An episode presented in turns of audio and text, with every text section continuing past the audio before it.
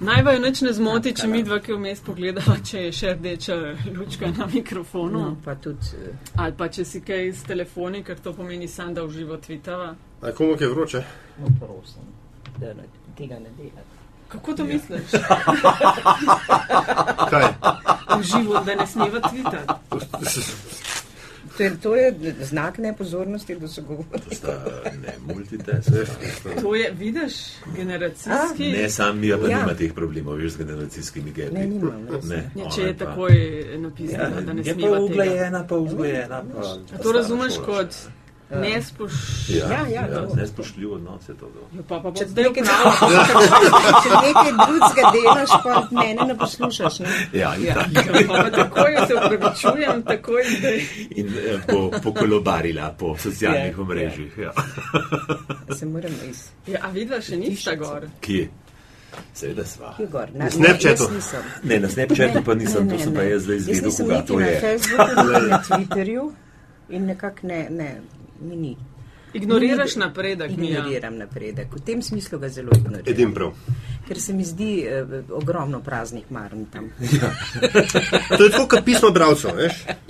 Ja, približno. Ali pa no. klici v studio, ja? Ja, tudi tega smo imeli, ne broj. Smo. Spoštovane in spoštovani, dobrodošli v podkastu Met in Čaj, podcast o medijih, v katerem z ljudmi iz medijev debatiramo ali pa s tistimi, ki so na nek način povezani z mediji, debatiramo o dobrih in slabih praksah, o inovativnosti, o trendih prihodnosti, kaj še razkriva valjaš. Ozadju Umazane trike obrti. Umazane trike obrti, ki so zelo pomembni, če se želi posel dobro upravljati. Danes bova v tokratni epizodi gotovo slišala, kakšne finte vse so se uporabljale. Um, najprej nekaj admin zadev. Metin čaj, podcast v medijih, dobite nas na Afna Metina lista, vodiva ga Aljaš Pengal Bitens, Afna Pengovski in Nataša Briški, Afna DC43. Sicer pa hvala za uh, spodbudne besede, tudi kritike na infoafna metinalista.si in na Twitterju ter Facebooku. Uh, prejšnja epizoda je kar odmevala, si opazil. Ja? Ja, sem. Zelo zanimiv. Ampak Ova- preden začnemo, preden začnemo, oprosti. Kaj še? Uh, ker bomo gledali, uh, v pri- ker hkrati gledamo prihodnost in preteklost. Medijske sta- strate, predlog medijske strategije je zunaj. Au, Ja? Sem se kar bala, da boš načel to temo. Ja. In hkrati sem prebral tudi izhodišče za pripravo medijske strategije, ki uh, sta tako dva popolnoma različna dokumenta. Dej povej več, ker jaz se tega še nisem lotila zaenkrat. Vse sem, samo- izhodišče sem samo preletel, ampak tam se je par stvari res dobro povedalo o tem, kaj dela, kaj ne dela, kaj je treba premisliti. Uh, od financiranja medijev do okolja, do pač regulative, kje ja, kje ne. ne? Skratka, je dokument prihodnosti. Recimo, da je predvsem dokument sedanjosti ne, in kaj je z njo vse narobe, ne, in predvsem v kere, smer, v kere smeri prihodnosti je treba gledati. Za razliko od str osnutka strategije, ki je pa prišel ven predtem, ne, uh, ki je pa bog se usmil. Ne.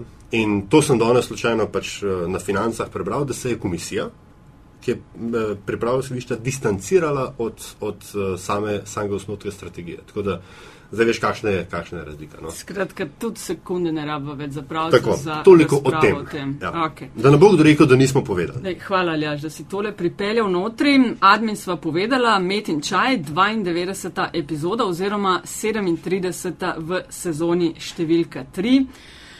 Zelo posebna gosta, zelo sva se veselila te epizode. Um, Ti si se mečkam bala? Jaz se skozi bojim, kadar mi uh, tako uh, ugledna imena s, uh, imam pred sabo, a veš, imam skozi mal tak spoštljivo, spoštljivost, uh, da zelo pazim, kaj govorim. V bistvu imaš se ta- zelo dobro pripravim. Imaš tak z- st- st- staroslovenski novinarski refleks, ne? Tak mal New, New York Timesovski. Ja, ampak. Ne? Tako, Ja. Ja, greva. Ja, oprostita, ker sva vaju pustila tako dolgo čakati. trema. Ja. Um, Mija se za glavo drži, to ne bi šlo nikoli čez na valu 202. Um, Takoj Mogoče na začetku moram povedati, da bo tema nocojšnje epizode vloga medijev v osamosvojitveni vojni. Idejo je dala, super hvala, ena od soustanoviteljic Metine liste, Mirjam Možgan. Uh, že kakšne dva meseca smo debatirali o tem, kako in kaj ni rekla na izust Mija Škrabec Arbanas in Bojan Veselinovič glasova vojne za osamosvojitev Slovenije. Dobrodošla. Hvala. Pozdravljaj. Ja, uh, torej to, Mija, ti si štartamo vedno epizodo, vaju pozna novinarska komunity sploh. Mija ne bi jezna, če bom kakšne anglizme, če bojo uleteli v pogovor, a je to dovoljeno, ni, ne. Prvošci. Bom, bom do Ne tri. sprevajaš. Zdaj, ki- zdaj, je praznik, si lahko pravošči. Do tri. uh, se pravi, o tem bi rada podebatirala, še preden pa začnemo, vedno vprašava vsakega gosta, da se malenkost mal predstavi, kakšna je njegova novinarsko-medijska zgodba. Mija, začni, ajde. Moja novinarsko-medijska zgodba se je začela leta 1972 na Radiu Slovenija v Ljubljana. poročilih, Radio Ljubljana še takrat, ne, eh, na praksi v poročilih. Ne, in tistega leta se je začel tudi Val 202. Eh, Vse najboljše mimo grede. Ne? Eh, Ja, 44 let že živi in deluje. In ko je bila praksa končana, je seveda bil radio ena lepa izbira ne, za eno mlado, nadobudno študentko. Ne, ni pa imel takrat še kakšnih posebnih uh, izkušenj s honorarnimi sodelavci, razen eh, s študentskim delom, ne, s, s tem, tako da sem. In so me poslali na Val 202, ki je takrat štartov poleti.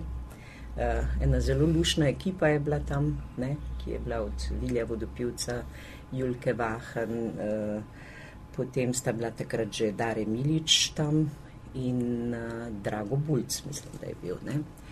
Uh, čisti začetki valovski in jaz sem postala mlajša novinarka. Ne. Tista, ki je morala seveda si zadegati na ramo nagro, to je bil, to je bil mikrofon, eh, magnetofon, pardon, magnetofon, tudi mikrofon imel zraven, seveda, ne, eh, silno težek, ne, tako enih 11-12 kg, ne, na ramo in na cesto. Ne. In takrat je bilo tudi obdobje, ko ljudje še niso bili vajeni dajati toliko izjav, da bi te, eh, recimo, si jih ustavil. In Si so se zelo izogibali. ne, da si so se zelo izogibali. Danes je mogoče zaradi tega, ker je tega preveč. Ne. Takrat pa niso bili navajeni, ne, da bi lahko tudi javno povedali kakšno stvar. Ne. Čeprav so bile zelo benigne zadeve, ne, da se razumemo, nismo sprašvali po, po kakšnih političnih mnenjih še takrat. Ne. Eh, No, ampak je bilo, recimo, da si, da si to uh, naredil, recimo, eno podobno anketo, ne, je bilo potrebno pf, kakšnih 100 do 200, ne, do 200 Se hecaš. sogovor, ne, ne hecam se. 200, za, da si jih pol 6-7 Ja, ven dobila. Da ti ne povem, kako mukotrpna je bila potem montaža. Ne? To s tem presnemavanjem, z vsem tem, kar se je potem dogajalo. No? Ampak izplen je potem bil dober. Ne? Je pa bilo danes, recimo, ko gledaš to digitalno uh, zadeve, ne? kako se to uh, montira, kako se snema. Ne? Mimo grede posnameš danes, lahko že s telefonom posnameš nekoga. Ne? Uh, Preneseš, posnameš, imaš že not, ne? ni problema. Takrat je pa to res bilo. No? In potem Lepa. si Potem plezala sem- po Potem sem plezala, 202. ja, ja, ja. Si Plezala, se dve z, s pomočjo nagre, eh, najprej na ulici, potem pa studio, ja. voditeljstvo, Ja, ja, ja, uredništvo, ja, ja, ja. toliko stvari si počela. Ja, vse v bistvu sem šla skozi te, skozi te faze. No? Eh, Do celo urednikovanja v enem obdobju. Mm. Vale 202. Eh, Sem pa res bila v vseh teh ekipah, meni je bil radio takrat, eh, jaz lahko res, res rečem, da je radio moja ljubezen bila no? velika in da mi ni bilo nič težko narediti, kar je bilo, kar je bilo treba narediti za radio. Mogoče je kdo zaradi tega tudi mal trpel doma. Za svoje delo si bila prepoznana Ja. tudi s posebno nagrado ne, za prispevek ja. k razvoju slovenskega uh, novinarstva, uh, tako da čestitke. Hvala Ena lepa. prepoznavnejših še- glasov in ja. uh, bolj vrhunskih urednic, novinark, ki so spremljale razvoj slovenskega žurnalizma. Ne? Sej. Ali boš skromna? Boš, ne? Mal bom, no. Mogoče mal pretiravaš. Ja, po mojem pa nič dosti. Spremljala ali so ustvarjala? Ja, So so ustvarjala, ustvarjala. tako. So ustvarjala. So ustvarjala. Spremljala, no. Pa Bojan, uh, Ja. mimo grede, čestitke za uh, danes, ko to snimamo, je 20. juni, glih prvič, ne, ko je STA od sebe dal Prvo en novico. čivk, kot bi rekli danes na Twitterju, prvo novico. Ne. To je bila trivrstična vrstica, v, eh, novica, v smislu, danes bomo začeli oddajati ažurne, hitre, eh, verodostojne informacije, ki so namenjene obveščanju domovine in tujine. In to je bilo leto 91, seveda, obdobje, v katerem naj bi se danes menil, pet dni pred začetkom vojne, za katero takrat nihče, se mi zdi v novinarskih vrstah, ni prav zaprav vedel, da bo do nje prišlo. Naslednja novica je bila, da bo skupščina odločala o grbu in zastavi. In potem je bilo tako do 25. smo gledali zdaj po arhivu STA-ja, uh, vse do 25. oziroma 26. Ne, ker uh, agresija ta na Slovenijo se je začela v noči z 25. na 26. Takrat je bil pa tempo, uh, pa število teh novic pa že malce uh, večji. Ampak uh, STA, če zdaj naredim paralelo z radijem, nam takrat uh, ni mogla doživega. Hmm. Uh, tako. Ja, tvoja karijera se je čistko na kratko, recimo medijsko. no, jaz sem zmeraj pazil, da sem zelo velik ob urodniškem delu tudi pisal. Uh, to je bilo naporno, uh, povem pa to za začetek zaradi tega, ker um, bom zdaj v parih stavkih pač se sprehodil skozi to mojo novinarsko pot uh, in velikrat uporabil besedo urednik. Uh, začel sem sicer kot uh, dopisnik, oziroma honorarc najprej to, uh, paralela z Mijo, samo deset let kasneje ali pa ne dvanajst let kasneje. Celo študentsko obdobje sem delal uh, na radiju, uh, bil tudi v poročilih, tam je bila valilnica kadrov, smo rekli, uh, včasih na radiju, to zaradi tega, ker si se naučil nekaj na kratko napisati, ker marsikdo še danes ne zna in mu tudi ni dano, da bi se naučil v uh, slovenskem žurnalizmu, ker ga je še ostal. Uh, potem je pa prišlo leto 88, ko se je začel po radiju iskati nekdo, ki bi šel za dopisnika v Beograd. Bilo je pa to obdobje, če si predstavljate, k prav velikega interesa za to ni bilo. Jaz sem bil tam v poročilih ene štiri leta honorar za takrat, uh, dobro plačen, takrat so bili dobri honorari. moram Boljši reči. kot plače. Če, Ja. bi pre, če bi prevedla to dobri Ja, honorari ja. v današnjo cifro, koliko je to bilo? Včasih dobro? si v poročilih lahko zaslužil več kot redno zaposlen.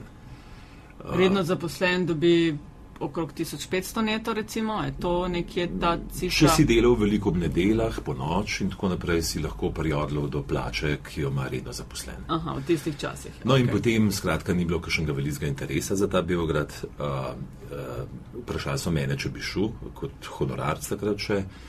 Uh, niso vedeli, koga pošiljajo in sem bil poslan v ta Beograd po principu vržmo ga uh, v župo, pa če bo splaval, bo splaval. No in nekega uh, oktobrskega dne me je čakala na uglasni tabli v poročilih, to je bilo uh, glavno mesto informiranja za tiste turnuse, ki so se menjavali tam. Uh, sporočilo, da grem jaz vem, čez tri dni v Beograd in karta letalska je bila zraven prepeta. No, in skratka, sem splaval, to je bilo eno lepših obdobij mojih, uh, napornih, zaradi tega, ker to je bilo obdobje loma sistemov, ki je bilo treba spremljati uh, in te etablirane družbeno-politične organizacije, od uh, ZSMJ do uh, zvezdnih sindikatov, zveze borcev, prosim lepo. In partije, seveda tudi centralne komiteje in kongrese, ob tem pa seveda tudi uno prebujanje na beogradskih ulicah, a ne, ki se mu reče mitingi resnice, a ne, pa jogurt revolucija, pa vse te stvari. Skratka, dve stvari ne, sta bile najmanj, ne, dva, dva kanala, ne, ki jih je bilo treba nenehno imeti uh, v pozorju. ne.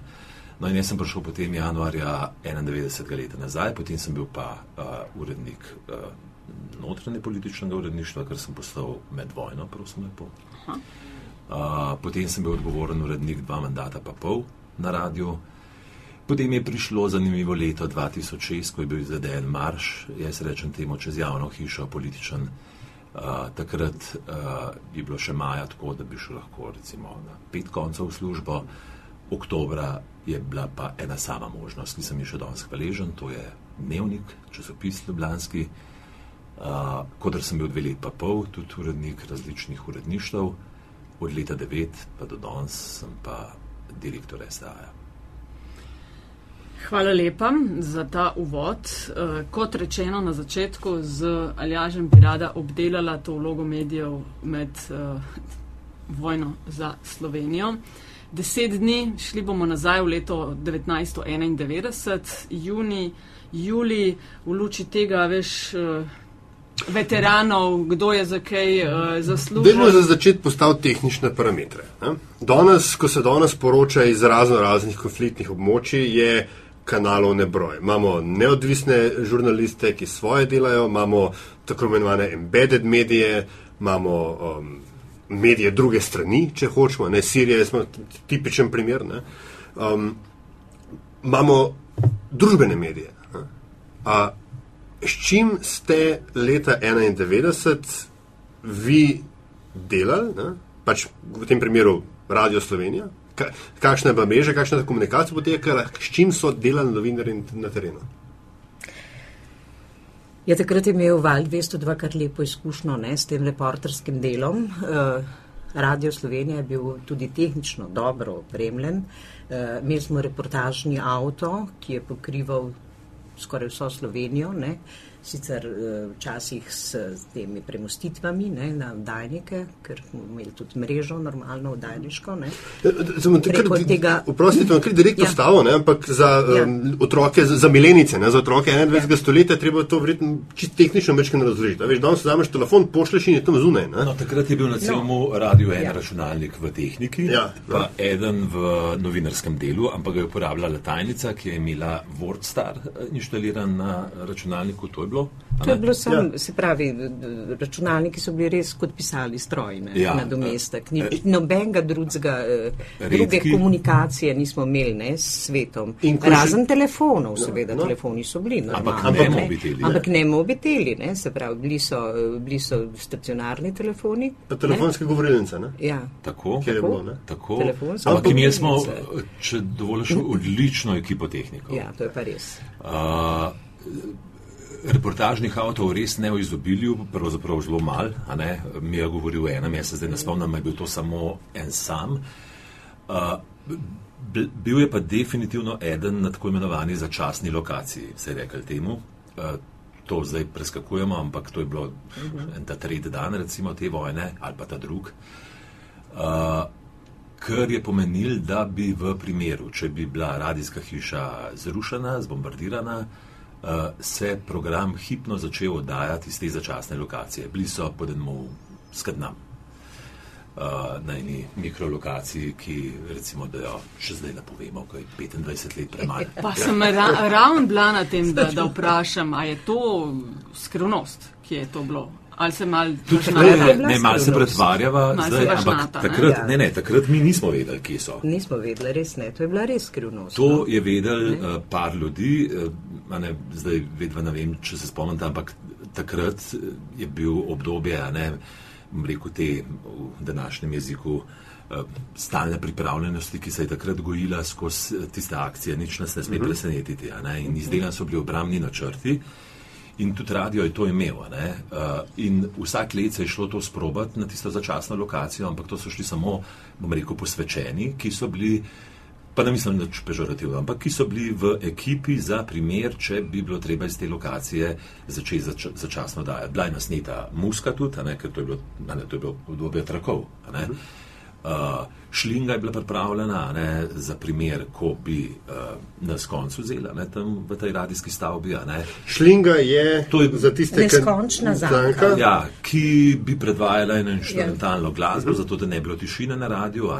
In v tistem trenutku ne, bi pa se iz te začasne lokacije oglasila. Ne. Mi tega nikoli nismo. a ne. No, jaz sem bila prisotna na eni Ja. vaji.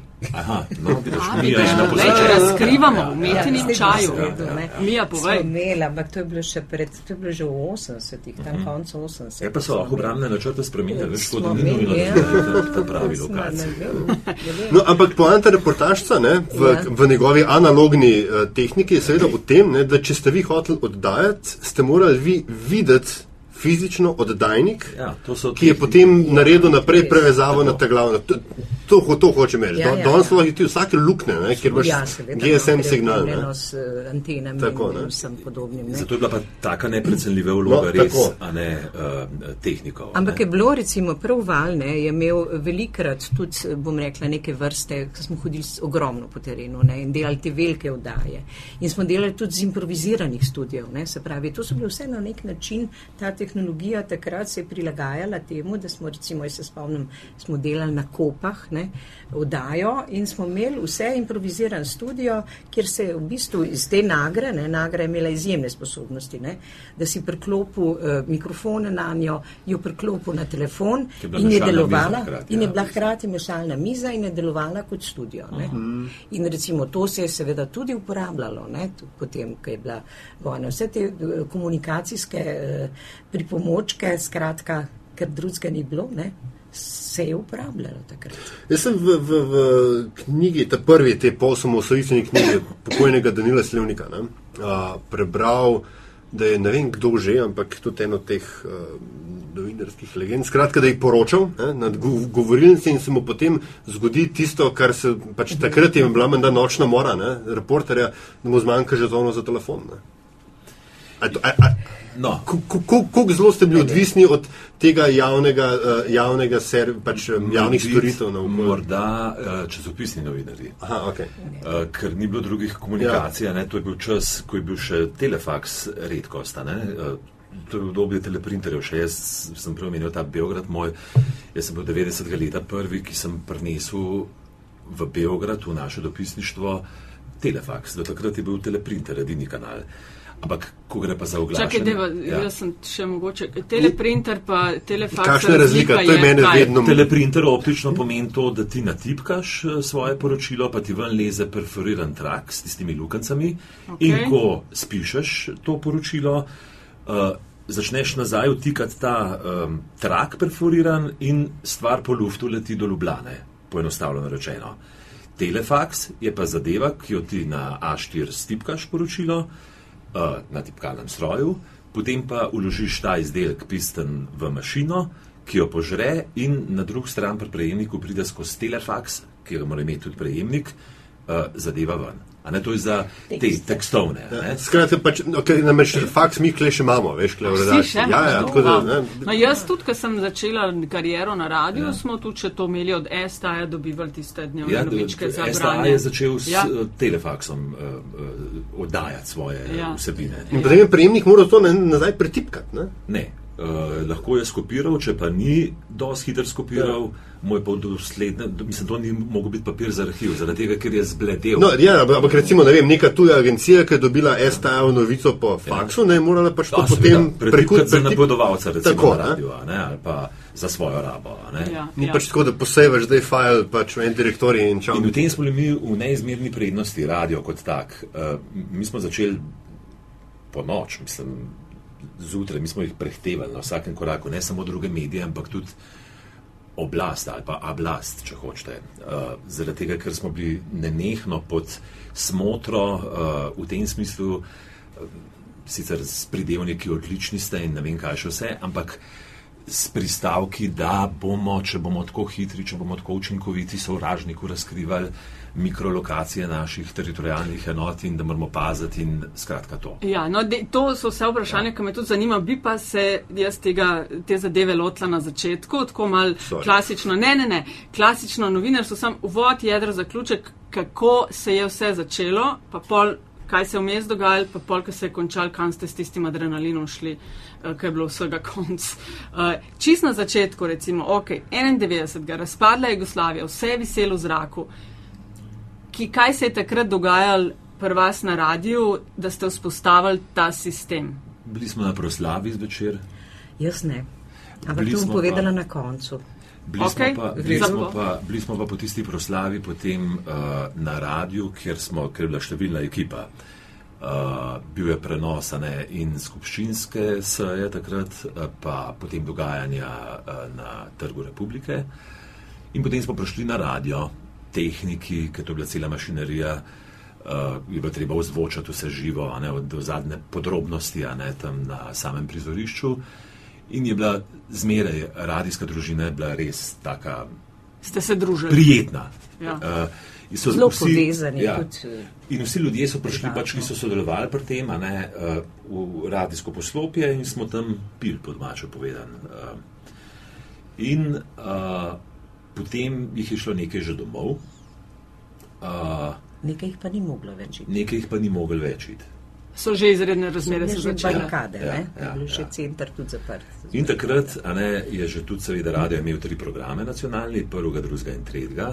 Uh, nočni program je bil skupni takrat, ni imel val 202, niti ne tretji ars svojega programa nočnega. In takrat so eni taki sramežljivi vstopi bili že uh, v nočnem programu. Potem se je pa petih ali pa pol šestih zjutraj takrat ja, sta se, so, se program, sta se, so se programi razklenili. Ne, Mija, okay. Petih se še niso Dobro, razklenili, ker sem v redu. bila na jutru. Ok, takrat. povejte. Ja. okay, no, kaj, Evo, to je zdaj. No, in eh, začeli smo normalno, sicer sem hotela to kot anegdoto povedati na jutro, kako sem pravzaprav sploh prišla, ne, ker nisem bila na proslavi, pa bom potem mogoče malo bolj podrobno. Skratka, jaz sem prišla v službo, začel se je jutranji program in seveda jaz sem bila čisto zgrožena, kaj se dogaja. Ne. Uh, kaj povedati, ljudem povedati, da smo samostojni Sloveniji, hkrati pa nisem smela povedati, da so barikade. Ne. zakaj tega rekla, nisi da smela? nisem smela povedati, so rekli, da bomo razkrili, ne, uh, mislim ljudem, da, da, Strah, da je panika. tako, Kdo je da, to lahko, Kdo je da, to bi rekel? lahko, da bi lahko povzročili paniko ne, uh Mhm. -huh. med ljudmi, če bomo začeli že takoj, ne, mislim, s temi uh, zadevami. Ne. Jaz sem spomnila, da je Je, tudi jaz ne, ampak to je bila, veš, to je treba se oživeti v te situacije. Ja, ampak- to je bilo Stvarjanje skupinske presoje. Ja. a? Ampak od to je bila presoja na radiju. Ja, ja, ja, ja, ja, na radiju, Ja, ja. le, Jaz pridem v službo, rečem dobro jutro. Sama eh, se a ste veš, škodo kopala? ne, Ja, ja, ja. Nismo Ja. imeli nobenih asistentov, sama s tehnikom. Ja. Ne, Mhm. Kaj dva človeka. Ja, ja, ja, razumem. No, ne, ampak to je šlo je za premislek v Ja, hiši. ja, ne? ja. Ampak takrat je bil pa že premis- v hiši, ne, ne govoriti o tem, da so barikade, da bomo med ljudmi po- povzročali kakšne panike in podobno. Ne. In potem eh, vse bolj in bolj, ko je ura tekla, ne, eh, je bilo meni grozen, ne, kako ne bomo, bomo kar tih, ne moramo se delati, da ni nič. Ne. Če je vse to, no in potem je, jaz mislim, da je bilo ne, nekaj pol, okrog pol sedmih zjutraj, da smo potem eh, se odločili, ne, da je pač ta ekipa ljudi, ki je nekako prevzela tudi ne, te stvari, smo pač ugotovili, da nima smisla ne, delati zadeve na dvotirno, ne, se pravi na, na prvem in drugem programu in smo takrat združili programe. Ne, in potem se je že začelo razmišljati o, o ekipah, o tem, kako se bo pelalo program. ne kako se bo, ne. Kdaj pa je bil pol tisti moment, ko ste vedeli, da je vrak vzel šalo, da to so izredne razmere? Ok, začeli ste o petih razmišljati, nekaj bo treba, No, sestavljati se. Eminentna oddaja je bila že takrat in je še vedno, a ne uh, druga jutranja kronika ob sedmih. In takrat je bilo to definitivno povedano noter. Vic je bil tudi v tem, zdaj je to okvirov, da uh, se je izkazal, uh, to pa jaz ne vem povedati, kdo je vedel, recimo takrat na radio, jaz nisem bil med tistimi, da so koperski kolegi že prej, glede na to, da se je na Koperskem na obali zadeva s temi premiki vojaških enot JLA takrat začela prej, obveščali Ljubljano in sporočali, da se nekaj čudnega dogaja. Ampak to je bil popoln ne pred tisto večerno proslavo, k morda tudi zaradi tega, ali pa zaradi nevernosti, ali pa um, upanja, da to sploh ni mogoče, uh, to ni prišlo v eter. Ne, No, ne, ko ne, ne, nekdo je sedel na tej informaciji iz tega ali onega razloga. Očitno, ja, očitno. Ampak tega v etru bilo ni. a Ne? Ne, ampak recimo po tem vstopnem cincanju, recimo, ne, če temu rečemo tako, ampak jaz uh, prosim, ne, da se vsi uživite v tisto situacijo, ki je bila vendarle zakomplicirana in um, nepredvidljiva, uh, je, je potem radio bil nenadkriljiv. Ne. No in uh, to, kar je rekla Mija, uh, konc je bilo trotirnosti. Uh, zdi se mi, da tudi tretji program ni posebej oddajal, da smo ne. bili vsi na eni frekvenci. To je bilo tudi obdobje, ki je bilo množstvo lokalnih radijskih postaj takrat.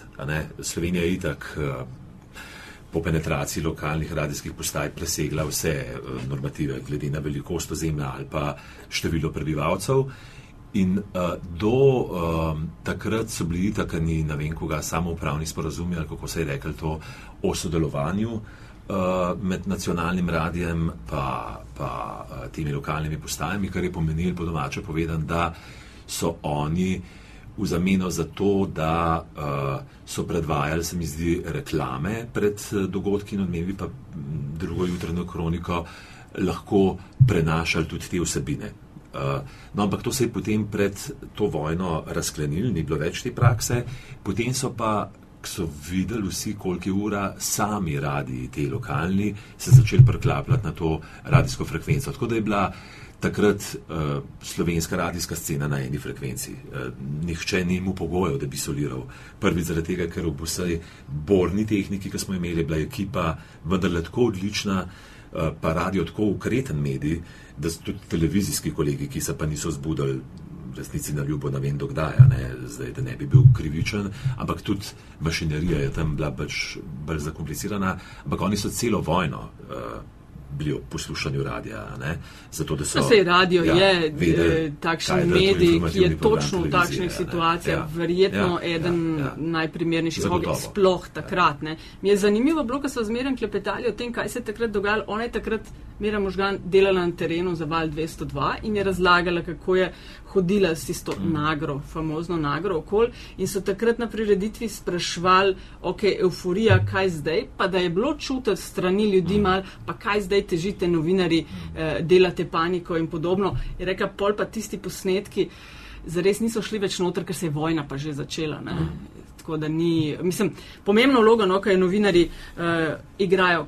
Kako ste se takrat odločili, ne vem, kdo bo delal, ali mlajši, starejši, izkušenejši? Veš, takrat je vojna bila nekaj novega tudi za, za vse vas, ne? mislim, te izkušnje nisi imel noben, ne, verjetno.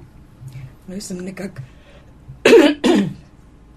nekak, uh, padla not, ne, kot se reče. No, je Čeprav bila... sem imela seveda kar veliki izkušnje. Ja, absolutno. Ne, ne, to je tisto, ne, kar je Mija prej rekla. Ja. Ne, do te vojne je bil prvi program posnet. Ja. V celoti. Uh, edini živ vstop so bile nedeljske čestitke, ne voščila za naše poslušalce ob nedeljah, pa poročila v buri in te ta velike informativne oddaje. To je bilo živo. Ampak tudi znotraj teh oddaj je bil voditelj tisti, ki je prebral napoved, potem se je pa spustil posnet uh, prispevek. Bili so seveda tudi vstopi zaradi časovne stiske, predvsem živi v te oddaje. Ampak z druge strani je bil pa mlad val 202 z odlično ekipo ljudi, ne, ki so bili vajeni živega oglašanja.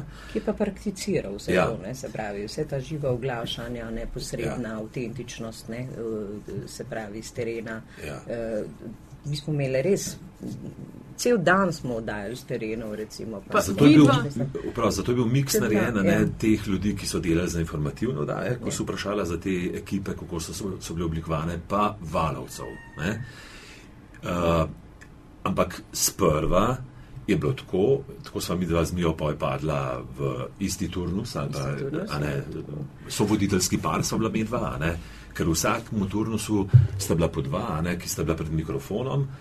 Uh, in v zadnje. Ja, potem je pa ekipa v zadnje, ob ljudeh, pa, ki so bili v poročilih, ob odličnih dopisnikih, domačih in tuji dopisniški mreži, ki je bila pa takrat skupaj z delom. Ne? RTV je imel takrat skupaj z delom uh, dopisniško mrežo. Recimo, Meršol je pisal za delo in za uh, RTV. Uh, no, in mi nismo vedeli, zdaj, koliko časa bo to trajalo, ker je pa kar trajalo, smo pa en ta tretji dan šele do takrat je bilo nekaj tako po inerciji. Vsi so, ja. vsi so hoteli delati, ja, to je ja, res. Ja. Dobro, bilo je tudi nekaj takih, ki jih ni bilo na spregled, pa so prišli skozi tudi skokaj nas gledati poja. Ne, k, je že mal padla ne, tenzija.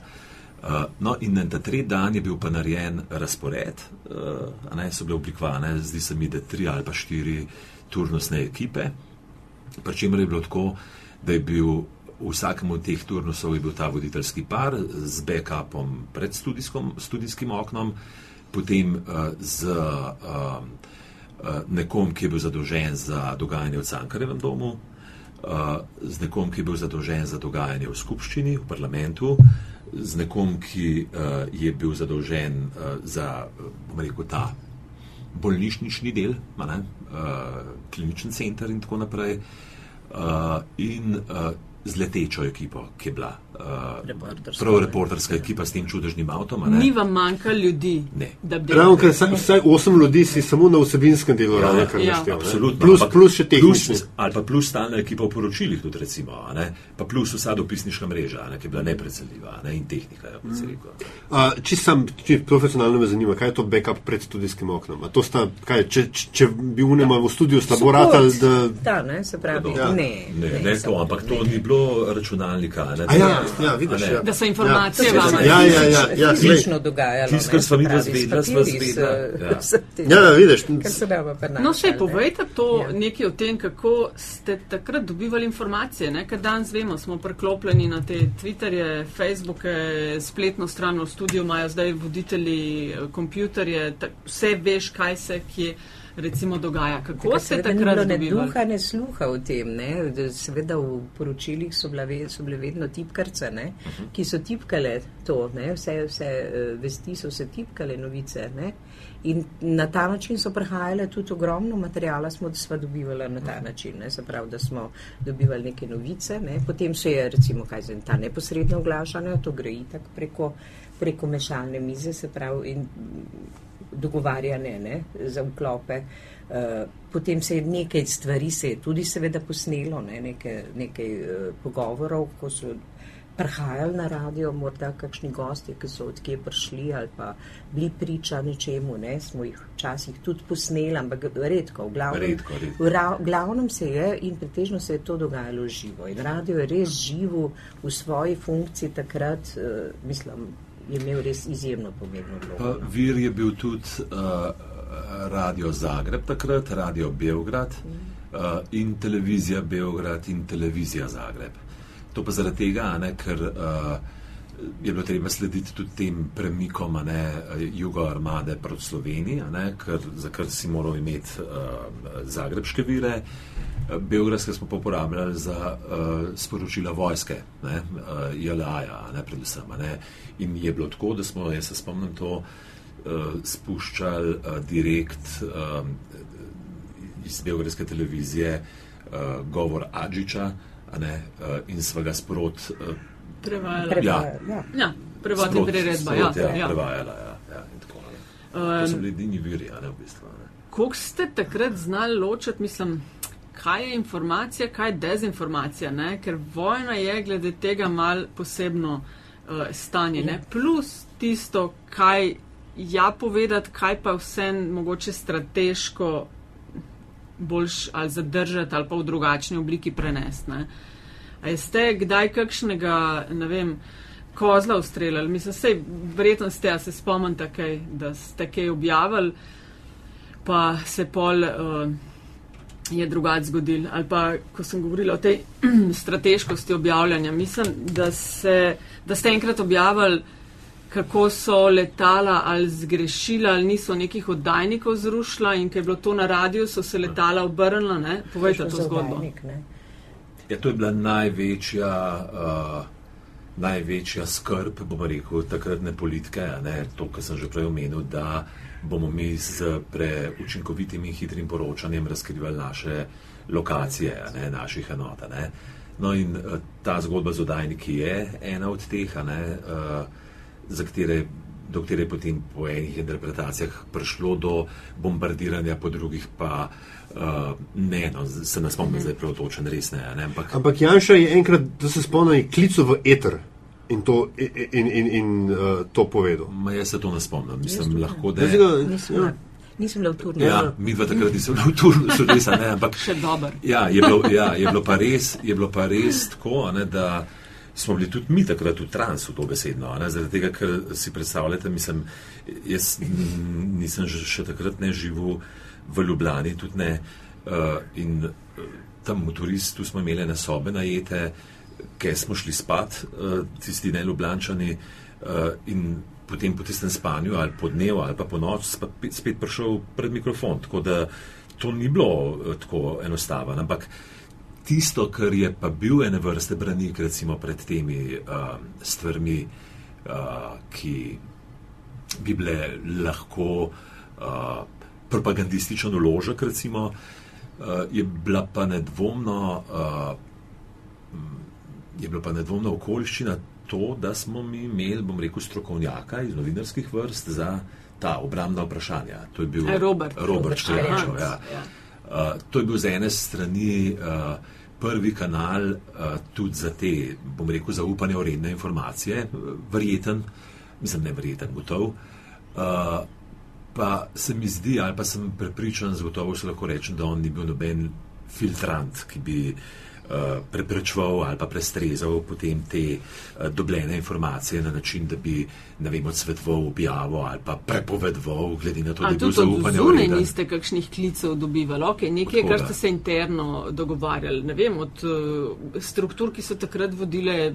Od politike hoče reči. A navodil? Mislim, navodil Ne, ho, ti, kakšnega opletanja. Tisto, kar sem jaz, ja. to, kar hočeš ti vprašati, samo to tudi jaz. Ne, Zdaj, ne glede na vse, ne, a ste vi, vsaj tistih deset dni, bili nacionalni ali državni radio? Ne, bili smo nacionalni, Nacionalni. lahko rečem. In prav zaradi te nervoze, ne, ki smo jo povzročali na teh, da so te klici bili verjeten, samo mi dva nismo bila niti takrat plačana za to eh, zmijo, da bi jih poslušala. Uh, dejstvo pa je, da uh, saj po mojem vedenju takih upadov ali pa vstopov, o katerih si ti pregovoril v etru, ni bilo ali pa jih saj ni bilo veliko.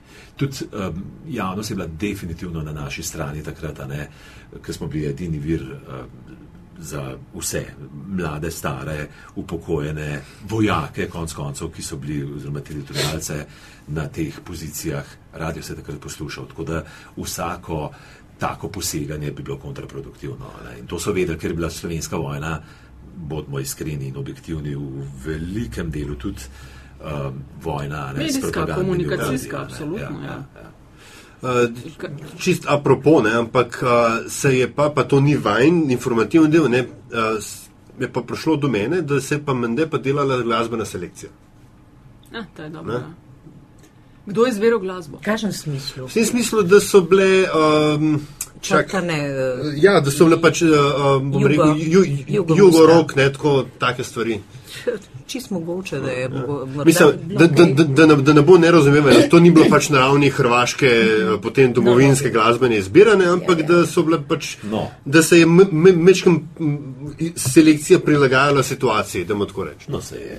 Jaz mislim, da se je. ne, ne. da- Ampak tudi uh, glasbeno Ja. uredništvo je rabilo kar nekaj Ja. časa, a ne, da je do tega prišlo. S- Spomnim se pa jaz tega zaradi tega, ker je potem, ki je bilo konc, recimo poj po brionski uh, deklaraciji, uh, zelo velik truda strani radijskih novinarjev uh, uloženega v to, da se je razelektril ta uh, ozračje napetosti, ta uh, stopna sovraštva do uh, uh, uh, ljudi z juga, če hočete. Uh, da uh, je, se spomnim, pokojne Mete Vajgara ne, uh, z velik mnenjskimi teksti ne, prispevala k temu, ne, da ni vse tisto, ne, kar z juga prihaja zaradi te izkušnje, ki je bila taka, kot je bila, naporna, ker vmes se je zgodilo do Brionov še marsikaj, tudi v drugih delih Jugoslavije, da skratka ne gre vseh metati v isti koš, da ni vse za nič. ne, In, um, tudi takrat se je potem, zato sem se zdaj tega spomnil, uh, začel postopno vstopanje spet uh -huh. jugoglasbe uh -huh. v, v uh, radijske programe. Ampak mi je Čeprav seveda veliko, veliko manj kot Ja, Ja, ja, no, sej, a veš, Se razumemo, tudi, a ne? veš. ja. Ja. Um, ampak zdaj rekla sta, ne, da v bistvu šele, mislim, šele ne, v narekovajih, v tretji dan ne, se so se, se, se stvari organizirale. Ne. Ampak zdaj, čistko me zanima, veste, obrambni načrt, ki ste ga imeli prej, pa tako dalje, uh, nekdo, nek uh, general, zdaj pa ne vem, kjer je rekel, da itak noben načrt ne preživi prvega stika z realnostjo. Kako zelo so vam vse te treningi, pol, ko, ko je šlo za res, ko ste dojeli, da, da je to to, ne, se pravi 26. zjutraj. Kako je vse to pomagalo? Ali ste morali takrat, a, a, a, a veš, koliko je bilo improvizacije, koliko ste imeli nek plan, ki ste se ga držali, ki ste rekli, da ja, to moramo narediti, na to moramo paziti. Jaz mislim, da ni bilo tako formalno, ne? da je to, kar smo nekako ponotranili, ne? Eh, da je bilo, da je v tisti situaciji, tako kot bo, uh, govori Bojat, ne? Uh, čist drugačno, drugače to doživljaš, ne? drugače reagiraš na te stvari in se tebi kar prebudi nek instinkt, po katerem mhm. delaš ne? in katerem se ti zdijo neke stvari prav, da jih narediš, preprosto prav, ja, da jih ja. narediš. Ne? Sem en intermezzo, ki razlaga. Ja. Sorry, prekinila sem te, kar pove do konca da se ti zdi prav neke stvari. No, ja. to, klele mene to zanima, ker ste prej govorili, ok, radio je bil nacionalni, ne državniški, ampak kako v takih momentih agresije ohraniš ali pa ostaneš in si profi novinar oziroma novinarka in kje je tisti tvoj ne vem, domoljub, patriot, ker ne moreš kar zbrisa, zdaj grem pa v studio kot strojček in bom delal obrtniško tako, kot se profi obrtniško novinarsko dela. Ne? Ampak ti predvidevam nekje mal vam butne. Kako ste s tem delali? Ja? Veš, Nataša, vprost, to je bilo tako množstvo informacij, pa tudi dogodkov takrat. Pa čustev, ja, verjetno, ne? Tudi. Pa tudi čustev. Tako da uh, stopna emocionalnosti se je seveda z vsakim premikom eh, vem, teh vojaških enot Jelaja, pa z bombardiranji, pa z uh, zajetjem vem, na medvedjeku, pa kar je bilo teh večjih dogodkov, se je ta stopna emocionalnosti tudi nas pred mikrofonom toliko povečala, uh, da je bila morda kdaj poteptana kakr, kakšna recimo obrtniška zakonitost. Ampak mi Uh, Se jaz ne mislim, vem, da je vem, to, ampak, veš, kritika. Ampak, ne. Ja, ne, ampak uh, nismo bili pa nikoli, verjetno tudi zaradi kratkosti te agresije, tako navijaški mm. uh, ali pa tako nacionalistični, pa čeprav ni bilo juga glasbe, ker se jim je potem uh, na podoben način ali pa v mnogo, seveda, hujši obliki in stopni dogajalo na Hrvaškem. Ne? Mi smo spremljali takrat vsi, potem, ko se je pri nas končala ta neposredna agresija, medijsko pokrivanje eh, seveda dosti bolj krvavih dogodkov, pa množičnejših na Hrvaškem. Mi, taki navijači ali pa, bom rekel, tako kontrolirani, kar sta prej sprašvala od oblasti, nismo bili. Zakaj ne? Tudi zaradi tega, ker časa niso imeli eh, za nas, mislim, sami sabo so, to tudi zdajšnji viri. Uh, pisni že govorijo, ne 25 let nazaj, da so oni tudi kar nekaj časa potrebovali, da so se postavili in zakipirali tako kot. Mm. Uh, Mija, tvoj treba. pogled na tist, kako si s tem. Ja. ja, seveda se zaleze vate tudi ta, to, to vzdušje, ta konec koncev tudi strah, ne, ne, ni, ni prijetno. Uh, biti recimo v eni hiši, ki je pa bila na udaru, ne, mm. absolutno, že takrat, ko, je, ko, ko so začeli z blindiranimi vrati, mm. ne, v tretjem nadstropju so se postavljala blindirana vrata, se nišče ni verjel. Kaj, kaj je v tretjem nadstropju? Ja. V tretjem nadstropju je prvi program, ne. In tam smo dajali. Tam smo dajali potem eh, ta skupni program. Ok, blindirana, to razlož. Blindirana vrata, torej. Ki jih uh, ni bilo takoj na začetku. Ne, ne. Ampak ko so jih postavljali, ne okay, postavljali so, vi ste bomo... tam v tretjem štuku delali. Odkje so se pojavljali, zakaj blindirana vrata, zakaj ste to rabili? Ja, zato, da ne bi nekdo udrl na, na program, ne?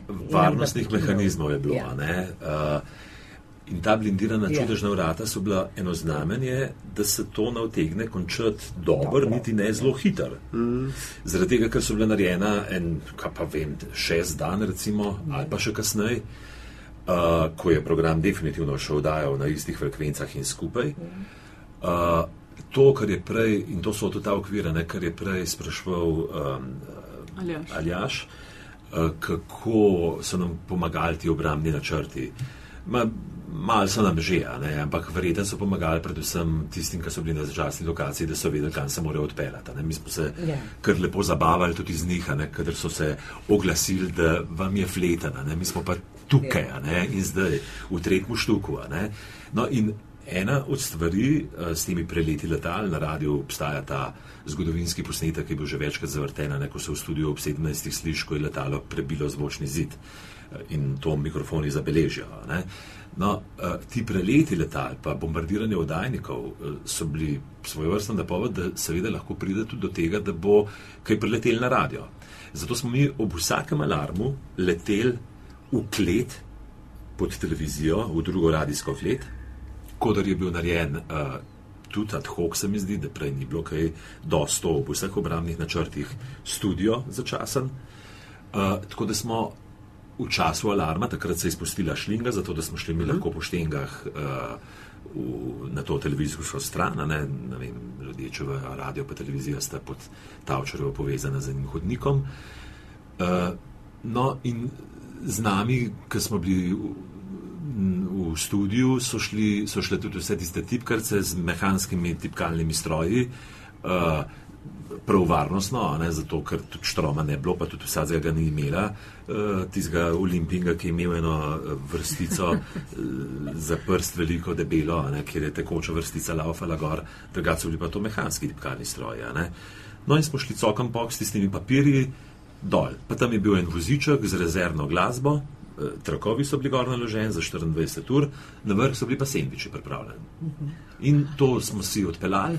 Eh, Kdo je šel ta prvi, tisti zagrabo, pa je šel v lift, eh, drugi smo šli pa po stopnicah na eh, to televizijsko stran, v drugo klet. In potem smo bili tam do presoje, kdaj je bil če pameten tam, potem smo se pa vrnili ne, v tretje naslov. No, če lahko dodam, pa nič uh, slabega v tehniki. Ne, enkrat, ko se, enkrat, ko smo se selili na to rezervno lokacijo, ne, je bilo treba seveda tudi zamenjati, oziroma programu se to ne smelo slišati, ne, uh -huh. da, je, uh, da se karkoli dogaja. Ne. Se pravi, da smo imeli tudi tam eno šlingo, ne, ki je bilo treba tu ugasniti, uh, kompleten postrojenje ne, in se podati tja, ta čas je pa se zadeva laupala na šlingi. Ne. In je tehnik seveda ta, ta prvi, ne, ki je zbežal. in potem je ena naša kolegica, ki je bila v- sicer izjemno sposobna, spretna, tako funkcionalno, opravilno, zelo sposobna. Ne. Ona je plezala tam pa iskala, kje se ugasne mešalna miza. in potem smo šli, seveda. No, govorim tudi o tem, seveda, da je bilo tudi takih trenutkov, eh, recimo, ko smo se nasmejali, ne, ker je tudi ta, to napetost in vse to, eh, tudi mal humor seveda neutraliziral. Ne, eh, ker potem je bilo treba, iti je bilo v studio, v studio se ni smel na glasu čutiti, da je nas strah, da, da smo mi, ali pa da smo euforični, ali pa da smo ne vem kaj, ne, mm. ali patetični, ali karkoli. Treba je bilo ohraniti eno spodobno mirnost, ne, s katero je bilo treba pač ljudem povedati, kaj se dogaja. Bilo je pa tako, da niti enkrat se ni zgodil v teh desetih dneh, ampak je bila res penetracija dogodkov je bila naporna, tako da je glava bolela včasih in s temi živimi javljanji pa to, ne, česar je bil navajen val, recimo, pa tehnik je delal na valu, ne, ne pa vsak, ampak je bila tudi na programu tehnična ekipa izvrstna. No, ampak niti enkrat se ni zgodil, da bi tudi v času vojne poročila kadarkoli zamudili. Vedno so šla, a ne glede na to, da je čas ena radijska kategorija, ki mora biti spoštovana do amena, vedno so šla uh, na signal za točen čas. Uh, to, to se mi zdi a ne, tako zelo zanimivo. a Ne. Se pravi, tista blindirana vrata, pa za primer, če bi radio napadal, gre, uh -huh. da ste vi v studiu in še vedno imate možnost oddajanja Ja. ja. poročil, novic, javljanj. A teritorijalci so bili v spredju na vogalu, Ja. ja. če Ja, ja. takrat je bilo še moše pijadajo. a ne? Se takrat je bil tudi eh, do, dostop do radia in televizije, to je bilo en kb barikat, ne? se se z biciklom ni dal prideti, kot Ja, se malo spomnim. Ne? Samo na vi ste bili Neposredni notri. bližini radija ni bilo. No, Čakaj, je- so bila, ne. eh, veš, So? kje so bila tlepr v podvozu, ne? eh, pr, pr, Mislim, tako je. V enem trenutku je bilo treba z bicikla doljati, pa peške do radija, ker Ja, je ja, ja. bilo. Ja, bil, bil, bili so teritorijalci, to jaz vem, ker sem tako uh, se šel sem prej rekel, turista spočita, Ja, ne, ampak je okn gledal glih na radijska vrata, uh, tako da uh, prav velik miru tam ni bilo, ne, pa zmeraj je bil kakšen predirljiv glas. Kakšnega teritorijalca stoj, a ne, Ja, ali pa ja. tako, a ne, mislim, ampak da bi bila pa prav tako blindirana vozila, se pa jaz. A Ste takrat mogli kakšne posebne akreditacije nositi, recimo, da je teritorijalc vedel, da si ti pa ti, da greš v studio in Nismo. Ne, samo imam pa jaz izkušnjo. Jaz sem šel mesec šele en ta četrt dan, da prvič proti domu, proti Gorenski, v Tržiču živim. Uh, in je bilo blazno naporno priti skozi te uh, cestne barikade, ampak ko si povedal, kdo si, ne, uh, da delaš na radiju, kar ne, naprej, ne, je bila prepustnost zelo povečana. ste bili royalty. Ja, Ne, ja, se se ja. spomnim, jaz ne vem sicer, kje si, ali ja, ti, Jaz sem pri to- stari mami v, Jaz sem bila pol tudi leti. najstnica takrat še, no, pa se spomnim v Kočevju, pri nas so občasno preletavala letala zaradi Kočevske reke ne, in tiste, tiste naveze z. In je bil radio, pa deko smo imeli pa zraven eh, oči na bunkerju, če bi bilo treba, ne, če je sirena in da, da, da se greš skrit. Kako, to mi še razložite. No.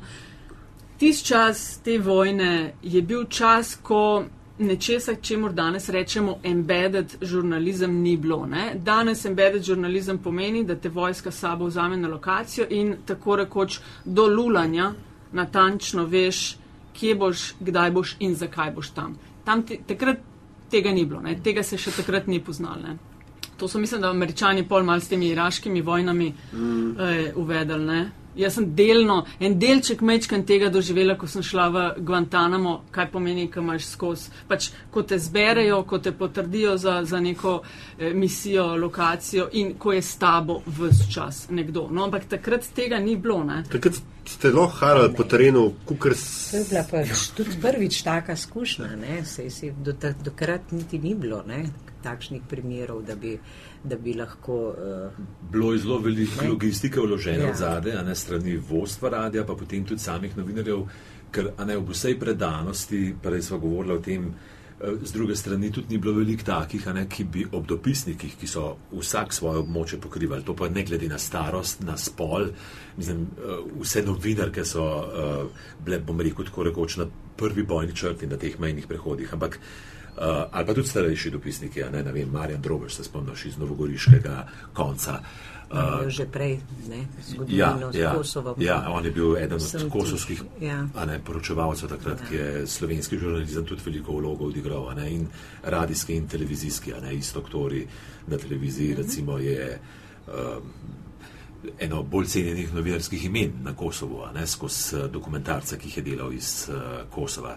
No, um, uh, ampak od radijskih, bom rekel, rekel domorodcev, ki delajo v centrali radijski, jih pa ni bilo veliko takih, ki bi bili sposobni in voljni, ne se iti vojno poročevalstvo, ampak so bili spet na valu in na, uh, mislim, tudi informativnem programu, ne vem, Marjan Jerman. a ne. Jerman, Dare Milič. Ja, Dare ne. Milič, ne, to, to so bila imena uh, Alenka Trlep, ki ja. so bili tako rekoč uh, na kraju dogajanja, recimo takrat na Brniškem letališču. Ne, in tako naprej. Ampak uh, v zadnji je bilo pa zelo velik logistične podpore od vodstva radia in teh novinarjev samih, da so se prebili skozi te mm. barikade in da so si tam ne, na uh, kraju dogodka, ne vem, ali govorilnico poiskali, a ne, kar smo govorili prej, ali pa uh, en način za to, da so se javljali. ne. Ker to se ni štartalo na tem, da boš ti tam, uh, ne vem, uh, snemal občutenja prebivalcev ali pa ne Pa, pa prišel nazaj v redakcijo, ne, Ja, pa zmontiral. a Ne, pa zmontiral. Ja. Ampak je bilo treba se takrat oglasiti, a ne od tam. a Ne.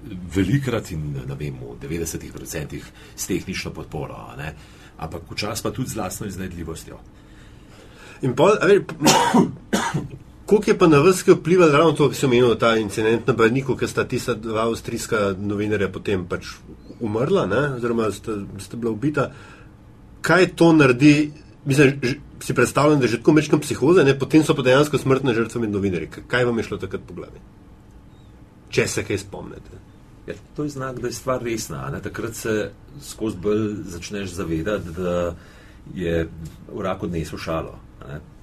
Tudi uglasiš se domov po telefonu, ne.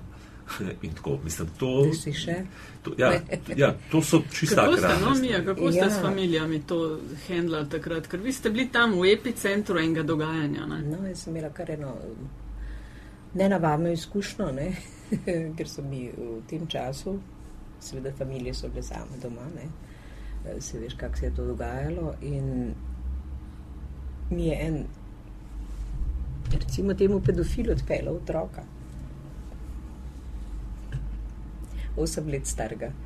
Ne. K sreči je bil, prišel je pač, ker so bili zunaj otroci, so se igrali na dvorišču, prišel ga nagovoril, da ima računalnike, če gre z njim in ga je odpeljal na, na eno lokacijo, kjer ga je slikal, sem to malo bil k sreči, tako uh, zelo uh, Preseb. pri sebi in, in pogumen, ne, da je uh, začutil, da nekaj ni v redu ne, in je potem uh, seveda rekel, da mora domov, da nujno, da ga bodo in ga je pelil domov, je rekel, da ne sme nič povedati. Je pa bil pač to, da je povedal, ne, da se je to zgodilo. Hočem reči, da so otroci seveda tudi ne, bili, bili nekako uh, uh, brez staršev, ne zaznamovani s temi dogodki. Ne. Se pravi, sem mogla biti z njimi takrat. Ne. Mm, so bili iz družine, ne vem, pa kaj ti tega treba, da bo doma bo kdo drug. Ne, to ni bilo Ne. tako. Ne, ni, ni bilo So tega razumeli. pritiska, so To ni, razumeli. ni bilo Skrb spet velika. tako. Ja. Skrb pa je normalno, ne, da greš v službo, da delaš take stvari. Ne. To je res, ker začetki so bili, bom rekla, smo nekako bolj prostodušno to imeli. Ne. Se smo rekli, da to ne more biti nekaj. Eh, niti ne pomisliš, ne, da lahko iz tega nekaj takšnega eh, na- nastane. Ne. Da pride celo do žrtev, do ne vem česa. Ne. Ah, to je kar nekaj, ne, malo tako. Ne. Ja, takrat, ko se Ja. ja. začne evidenca ja. o umrlih, ranjenih ja. in tako Potem pa naprej. vidiš, da je, da je pač to ja. Ja. res, kot si rekel, ja. Ja. vrag vzel šalo. Ja. Ja. Ste imeli kakšne posebne, kako, ste, kako se umiriš, no, je Bentiš v takih momentih? Vse smo malo smo že govorili, no, ker so tako resne, pa ko veš, da ne pred mikrofonom ne smeš večje panike zganjati, ne, ne vem, a so, kaj ste imeli, kakšne pogovore pred tem. Ne. No, kakšne prav psihološke pomoči. Kakšnega kratkega, ste kakšnega Ja, kratkega to, to, to zameritev? sem hotel praviti, ker za žurnalizem na splošno velja, Ja. da ne imamo. Ne, bolj smo bili na sendvičih. Ja. Na sendvičih smo bili Na pa sendvičih, pa na kavi. Šunka, sir, kumarce. Takrat Ja, smo še ja, vsi ja. kadili, ne? Ja, jaz ne več, zdaj. Ti ne, ja. Ja, ti še. jaz pa še. Ja. Uh, to, je, to je sigurno za eno od teh Se je povečala ne. doza. Ja. A si takrat še Ja. smel s- kaditi v studijih? A so to Ne, bili tisti- se nikoli A, nismo Edward- Monika del, halo. Ja. Ne? Tisto na televiziji, kaže Edward No. R. Murrow. A ja, dobro, ne, no, čak, ne, so včasih pol televizijska poročila, je lepo povedal, potem pa malo Ja, pokadil. ne, v, včasih je ja. Je, Do v kdaj študiju- se je- Prav v studiu ne, v predprostoru recimo, ne, ampak je že Ja. Takrat, veš, da so zelo preganjali. Ne, No, in prepovedali so uh, tudi uh, mal predtem um, uh, pijačo prenašati noter v studije, mislim, ampak ne alkohol, Ne, kavo vodo, ali pa ja. vodo, zaradi tega, ker je bila glih vlivali, ne. Obnovljena studijska miza z enim uh, novim filcem ali kaj. Ja, ja, ja, to je pa, bo, boh ne dej. res- Ampak uh, takrat med vojno smo pa vodo lahko pojenesli noter, pijačo smo si lahko nesli v Vedno je bilo bolj škoda aparatur kot ljudi. Ja, Ja, ja. to je vsak pošten šte- šef tehnike je studio ljubosumno varoval. Ja. Kje ste obleke dobivali, ker ste viseli, pa ste prišli, ker niste vmes smeli zajeti na ne vem, domov po frišno robo, pa živeli ste na radiju, pa prespali Še tam. vprašala Ja. uniforme, če smo imeli kakšne uh, jopiče tiste. A ste kaj, Svoboda Sloveniji, Je. ne. Ne, ker tako zelo sproščeni Na smo bili oblečeni. zelo. Tudi ne prebojnih je opečen. In nič nismo dobili do prime. Ne, dobili smo pa ne. maske, so bile pripravljene. Ja, to je maske, to, ja. maske so, to je bilo znotraj tiste zgodbe, ki je prav veliko mask prišlo, ki je tudi ja, se Oman. omastil ob tem. Ja, ja, ja. Uh, in maske smo pa imeli. Za takrat je imel samo odgovorni urednik v svoji marci plinsko masko. Potem Ampak pa vsi. pa smo jih imeli maske. In s tistimi maskami smo šli ob sendvičih tudi v uno drugo klet. Ampak takrat v ta prvo, ja, pa Ja. se je pa videl, da tudi zmeraj nazaj prideš in pa jih nismo prav. Je malo tistih mask. Obstaja kakšna fotka Bolj malo se mi zdi. Ne, Ti skozi. za naslovko. Ampak vseeno, a veš, ta, ta non-embedded reporting, se pravi lazenje po terenu, uh, od naših do njihovih, pa uh, v bistvu po eni strani tudi razštevano celi situacije, ker armija bo takrat, če pač je multinacionalna in B, uh, naborniška. Ne, um, kdaj, sej, dobro, vidite, so bila bolj v centrali, ampak kdaj te, kdaj do- dojameš, da, da, da imaš svojo lastno glavo v torbi?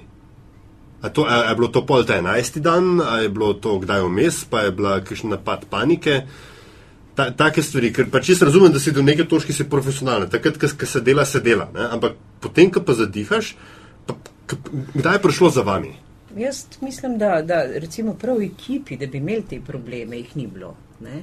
Da smo bili kar dost ubrana ekipa, da je recimo, če bi tudi eventualno kdo uh, se bo zgodilo, ne, da, bi ga, da bi ga kakšna panika zagrabila, da smo bili tako močni osebnosti, no, da smo se med sabo nekako to si je razpršilo. Verjetno smo Te bili zaradi tega po dva Ja. pred mikrofonom. Ja, Ja, tudi- morda je bila to prvina obramnega načrta. nama, Ja. nama ni bilo treba Ja. nobene Da se niso- medsebojne ja, pomoči. Malo smo se tako za uh, kolem parjela, ne, kadar je kdo preveč Utrujal drug drugega. Ja, ali to, ja, ali pa. Uh, Ampak ni bilo. Stopna predanost je bila pa tako eh, res velika, ne, da uh, ni bilo nobenih težav. Samo res mora bil, ne vem, en dan pa pol za to, da smo dojeli, da to bo treba na papir vršiti s razpored, zaradi tega, ker bi drugač kar visel tam. Ne. Se je pa videlo, da je to nekaj časa trajalo ne, in da je treba iti majhen spat tudi vmes. Zato je bil ta razpored potem narejen. Seveda je bilo potem to olajšanje, čeprav se je v bistvu radijska zgodba še kar nekaj časa nadaljevala Ja, na tem skupnem programu. Ja, ne. ja. Ta skupni program se ni še kar ukinul, se pravi 11. dan vojne. Ne. Eh, Po mnenju valovcev Ja. Prepozno. Prepozno, ja. Eh, ker nismo mogli, nismo mogli vdajati svojega avtonomnega ja. programa. No. Ampak takrat se je seveda tudi prvi program preoblikoval ne, Ja. in je potem eh, stopil ta. Ki je bil, smo rekli, ja. Ne? Ja. Prej sem rekel, da je bila ne, posneta Pač, vsa ja. vsebina, pa bi pa to živ program tudi, ne? ker ni bilo več razlogov, niti ne možnosti, ne, da bi si lahko prvošala, ne, da bi šli nazaj. Tudi mladim ustvarjalcem takrat ni bilo več od tega, ker so pa potem videla ne, moč tega živega govorjenja. ne. Ja. Tatjana Pirc je naredila, mislim, da pred petimi leti en fajn dokumentarc o tem radiju v vojni za Slovenijo. Me pa zanima tudi, koliko ste v tistem obdobju sodelovali z drugimi mediji, pa nimam v mislih tukaj Zagreba in Beograda, ampak v Sloveniji. Uh, bile, vem, da si omenil, da ste z delom imeli to neko povezavo, kaj pa ostali? Je to tako bilo, da se dihal kaj eno, pa si delili informacije, ali je bilo vse en, da bo tudi klep prvi, Ne, ne zveni bahavo, ampak prepisvali so nas. Recimo Lada Z je takrat imela vsak jutr reklamo za delo, zjutraj poklicala po telefonu tehnika in je prebrala, kaj bo danes v delu. Ne, in je tistega jutra poklicala, a ne, rekla, jaz nimam kaj povedati, sej nič nimamo noter v primerjavi s tem, ne, kar res, mislim, v tem smislu, to je bil point njenega klica, ne vem, če glih tako dobesedno rekla, ampak to je bilo to, a ne. Kaj pa, kaj pa po drugi strani? Dobro, se pač me- medijev, rekla, rekla sta radijski, so se takrat v bistvu izključno na vaše frekvence eh, prijavili, tiskani so bili kaj dva, tri, ne? Eh, dnevnik delo Večer. večer. Ne? Ampak kaj pa vse ne, pač Slovenske novice No, tudi, a je ja. to še slovenske so bile. Ne? Ampak ra- radijski mediji ipak šprica čez meje, ne? Uh, signal pa to. A ste bili vir, primarni vir tudi za ne, Ja, iz Trsta so nas klicali, se jaz da- Ja. spomnim, poslušalci iz Trsta so nas klicali, ne, pa uh, tudi uh, koroški uh, dela, ne, uh, se pravi na avstrijskem koroškem. Uh, Drugače je pa to obdobje srednjega vala. Ne, 918 kar se, metrov. Ja, do meta tiče, ne, to ni bilo. Kaj je, čak, ta, a, to ste spet vi radici? Ja, ja, UKV, ja, ja. UKV je ta uh, signal, ki uh, je vezan na uh, oddajniško mrežo, tako kot smo prej govorili za oddajanje. a Ne, se pravi, da moraš ti videti uh, oddajnik, a ne, zato je bilo toliko oddajnikov postavljenih za UKV signal po Sloveniji, da je bila pa cela Slovenija pokrita. Vsaka dolinca, veš, tako da ni Ja. senčke. pa tako. Uh, Medtem, ko se pa uh, uh, prek srednjega vala radijski signal širi tako sploščeno bolj in ima širši domet. In uh, je bil v Domžalah uh, in je še vedno uh, srednjevalovni oddajnik, ki je pa ob lepem vremenu, vreme je tudi faktor, omogočil, da si ti radio Ljubljana slišal tudi v Beogradu. a ne? Ali pa gor naprej, veš, ni Minhen pa Ja, tako dalje. ja, ne? ja. In, in ja, proti severu, seveda. Ne? In to je bil uh, kanal, sigurno tudi za tujino. Tudi tarča je bil, ne, domžalski oddajnik. Ne? Ja, ja, seveda, Ja, ja. seveda, seveda. In krvalca, Krvavec. zaradi Ja, uh, tako, kum. UKV-ja, ki ima najširšo pokritost prek UKV-ja. Je- Grad, ne? Ja, no, itak, ja. Grajski A je grad. kakšen dogodek, Mija, ki si ga iz tega obdobja še posebej spominjaš, ali pa se ti je posebej vtisnil, ali pa kakšna izjava, ali karkoli iz tistega obdobja, da se še danes, a veš, poleg teh nekih splošnih spominov, koliko je bilo, da se pa točno nečesa tudi kaj spomniš. Je bilo toliko enega dogajanja, da težko, da kakšno ven veš, seka. to je Tega je res, res ogromno, tako da bi vštrlili ven za glih nekaj, a veš. Ok, pa pa probujemo drugače. Ne- Ja. Bog ne dej, ne? Ja. ampak če bi moral radio še kdaj tako reagirati, če bi se, ne vem, da grejo stvari hudo po Ja. zlu, ali je M, uh, se pravi kadrovsko, B, tehnično in C, organizacijsko, slovenski radio, ne, zdaj slovenski, sposoben kaj tazga ponoviti. Ja, bi dva težko sodba. Težko sodba, jaz sem že tri Potem- leta v potem, pokoju. Bojan je na STA-ju, Ja, ne. Potem, kar vidim, so seveda zdaj tehnologija je drugačna, ne, veliko lažje najbrž, ne. Čeprav jaz- po drugi strani tudi težje, ne, ker je pa težje Ja. prepoznavati, ne, to se pravi verodostojne informacije, ne, ker je tega eh, bombardirajo. Ne, Ja, nadzor je težji, a tako, ne, za kogarkoli, ne. pa tudi uh, spuščanje informacij, a ne, uh, ki je bila ena od prvin takrat, a ne leta 91, je zdaj v tej dobi globalizacije siguran teže početje, ne, uh, biti pameten uh, in predvideti vse in marsikaj tudi usmerjenega povedati, recimo iz kleti Cankarjeva doma, ne, kar se je počela, ne, pa spet brez vsakega uh, slabšanega prizvoka. Ampak jaz mislim, no, da radijska ekipa bi to zmogla, absolutno pa ne samo seveda prek mikrofona, ampak prek vseh teh socialnih omrežij in teh čudes, ki uh, tudi radio postavljajo v tak položaj, da če podcenjuje uh, moč uh, teh socialnih omrežij, lahko močno odsapla za njimi. Koliko je sam tole mogoče še, ker še en glas tistega obdobja je bil, ki je tisto vojno za Slovenijo zelo zaznamoval in to so bile, ki si prej omenil, Cankarov dom in te tiskovne konference in Jelko Kacin. Je, ne? Ja, ja, absolutno. To je takrat, uh, ste imeli vi na eni strani enega Jelkota, ki je tak bil obramboslovc, ki je bil dober, kvaliteten ali pa ne vem, v tistem obdobju res zelo učinkovit komunikator. Pa na drugi ste imeli tudi imeli tiste generale, ki so brali zelo Ja. tehnično ne, Ja, ene ja, stvari. Ja. No, te tiskovne so bile seveda ena od prvina, ne, ki so bile vsak dan, včasih tudi po dvakrat, in ki smo jih live prenašali v celoti. Brez posegov, narejeno je bilo tako, da so se tudi novinarska vprašanja slišala na ozočih tam. Uh, bil je zagotovljen prevod, tudi, uh, ki ga je tudi poslušalec slišal, zaradi tega, ker takrat je bilo kar nekaj, potem že tudi novinarjev iz tujine uh, tukaj.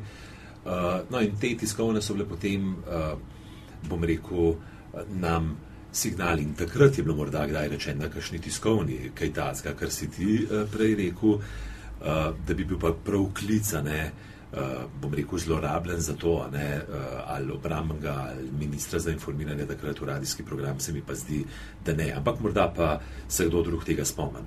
No, in te tiskovne so nam bile tudi, uh, rekel, barometer, uh, ali smo mi vse to, ne, kar je bilo povzeto, ne, ker to je bila kot ena bilanca dne, uh, imeli v programu, a ne, in imeli smo ponavadi še več, a ne, zaradi tega, ker se tam potem vendarle ni vsega povedala. ne. Tako. Kam ste šli pol, a gremo že uh, pol, ker se je pa enkrat to končal, ne? Uh, ste šli na zaslužen dopust, bil je glih Julij. Ne, Klepa obstaja ena fajna anekdota, ampak kam šla ti mi? Ne spomnim se.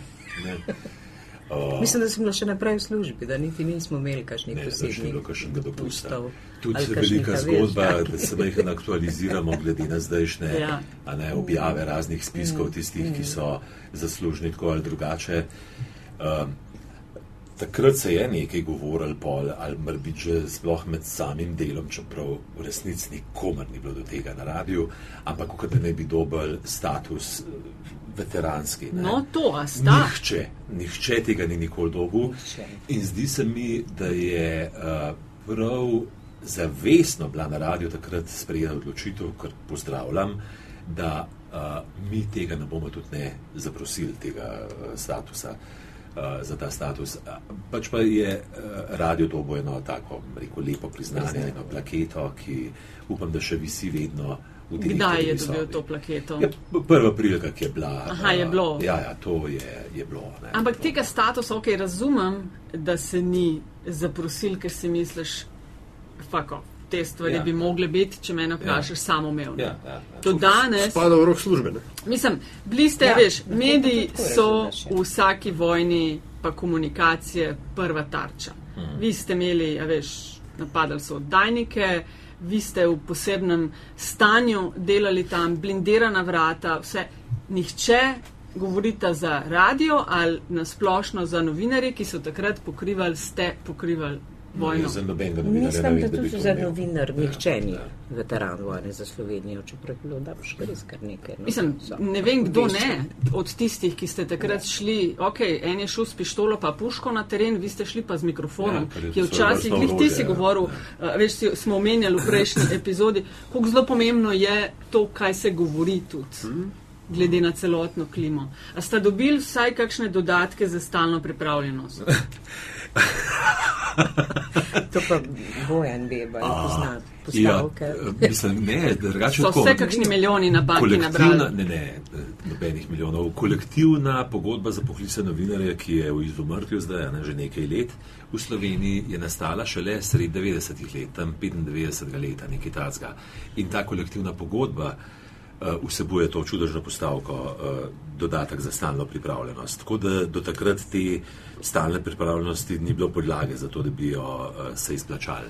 Če smo pa dobili kakšno Pa Mislim, da smo nagrajevanje. mogoče kakšno nagrajevanje ja, ne, ampak je res tako daleč nazaj. Ni bilo pa že tak, ja, da bi se ga zapomnili. Ja. Kar je še kar žalostno, če me vprašate. Ne? Ja. Kar se mi še kar zdi neprimerno. Se pravi, niti dodatek za pripravljenost, niti statusa Ja. ja. vojnih veteranov oziroma Glej, za- veteranke nimaš mija.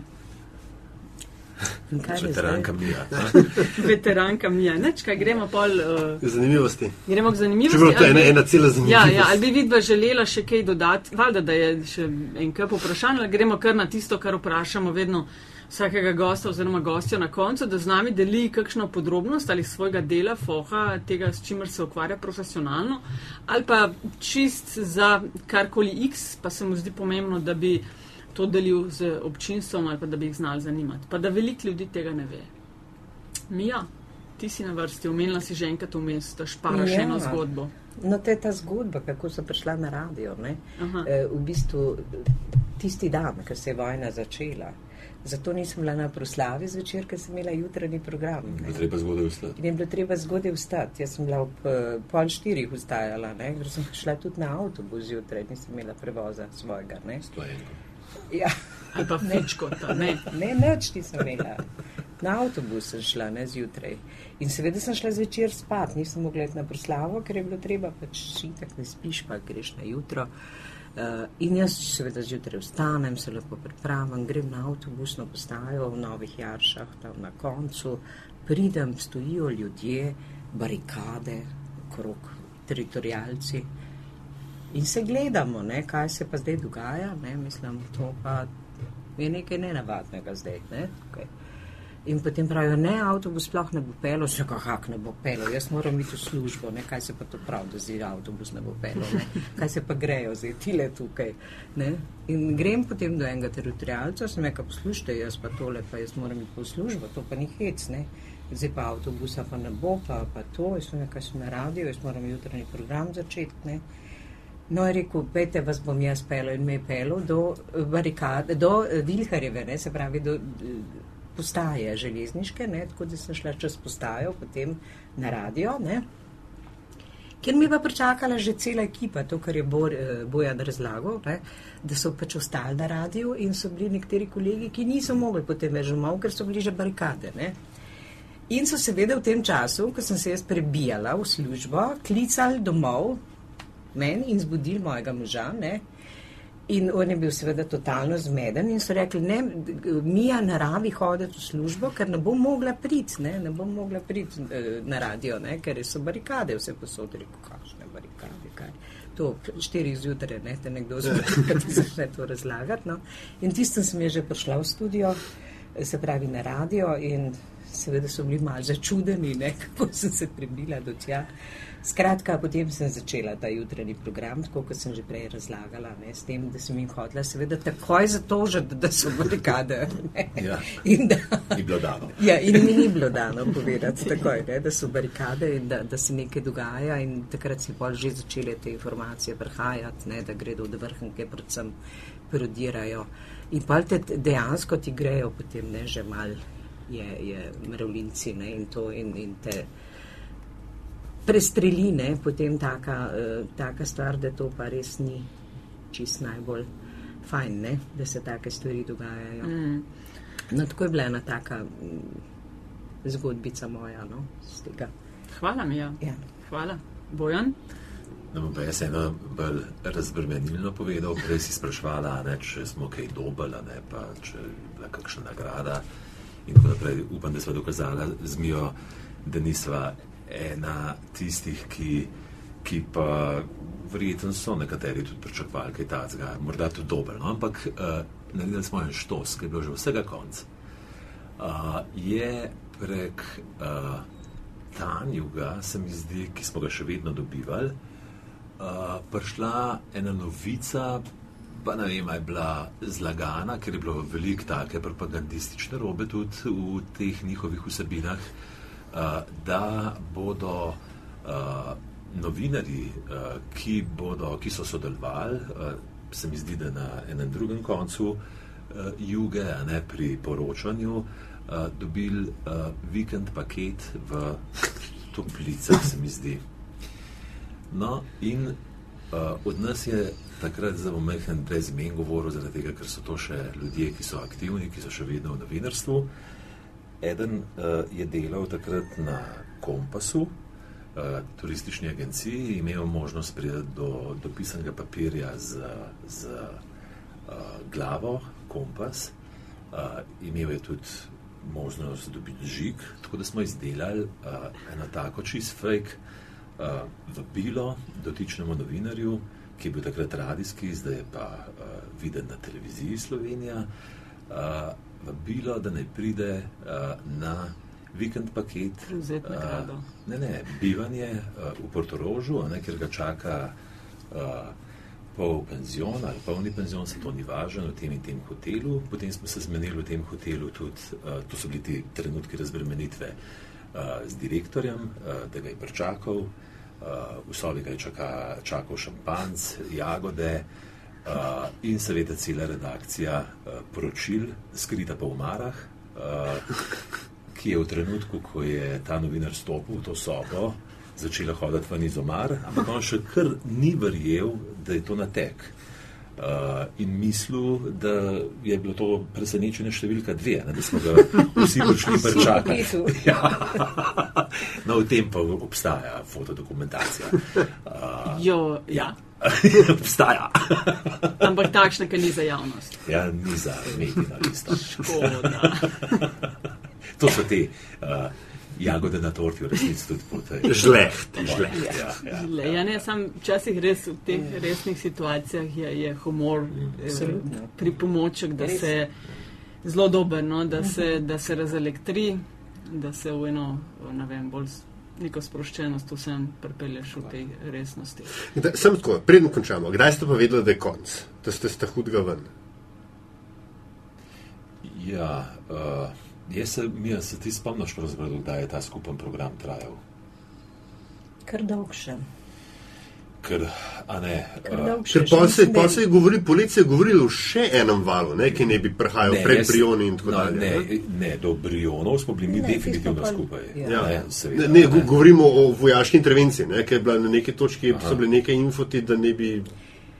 No, malo je bilo tako, ne, ja. ne, ni bilo čisto sproščeno, ne, da bi se, bi se to kar odrezalo pa končalo, zdaj pa vsega konc. Ne. Normalno, zdaj potem so se začele vse te stvari v sosedstvu in tako naprej, ne, tako da v bistvu eh, so se pravzaprav, eh, se pravi, niti ni se končalo tako, kot je eh, tu rečeno, da bi se zdaj spomnili na točno eh, tistega desetega ali enajstega dne, ne, a veš, kako je. No, če je ena, a ne čisto stereotip, ampak značilnosti ne slovenskega, ampak slovenskega karakterja, ne uh, škodoželjnost, jo v tem primeru seveda ni bilo takrat, ne, ko so se boji začeli uh, dogajati na drugi strani meje. ne.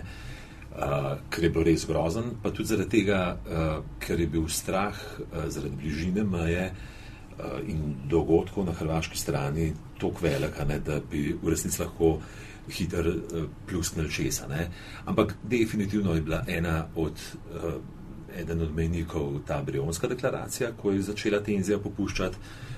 Potem dokončno, pa takrat a ne, z umikom uh, uh, Oktobra, ne, JNA, pa- ja, ja, iz uh, Kopra, a ne, ki smo ga tudi neposredno spremljali prek radijskih falov. Takrat ste morali ob 4 zjutraj, takrat je šel ta zadnji. Ja, ja, ja. Ampak ni bilo težko, takrat pa sploh ne. Smo pripeljali do konca. Spoštovana Mija Škrabec Arbanas in Bojan Veselinovič, naj glasova vojne za Slovenijo, vam je všeč to? Se, A je to dovolj a je to dovolj pove vse se, topiva se, veterana? ja. Kaj si, kaj si rekel? Topiva se. Topita se lepo. Ej, tudi mi dva eh, zelo vesela, da sta sprejela vabilo, da smo to lahko posneli, ker je zelo pomemben del zgodovine, pa se mi zdi prevečkrat prezrta vloga medijev, ki jo eh, v takšnih pomembnih dogodkih odigrajo. Tako da lepa hvala za vse, eh, kar sta delila skupaj z nami. In naj živi radio. Ja. E, Ja. to. Hvala tudi vama.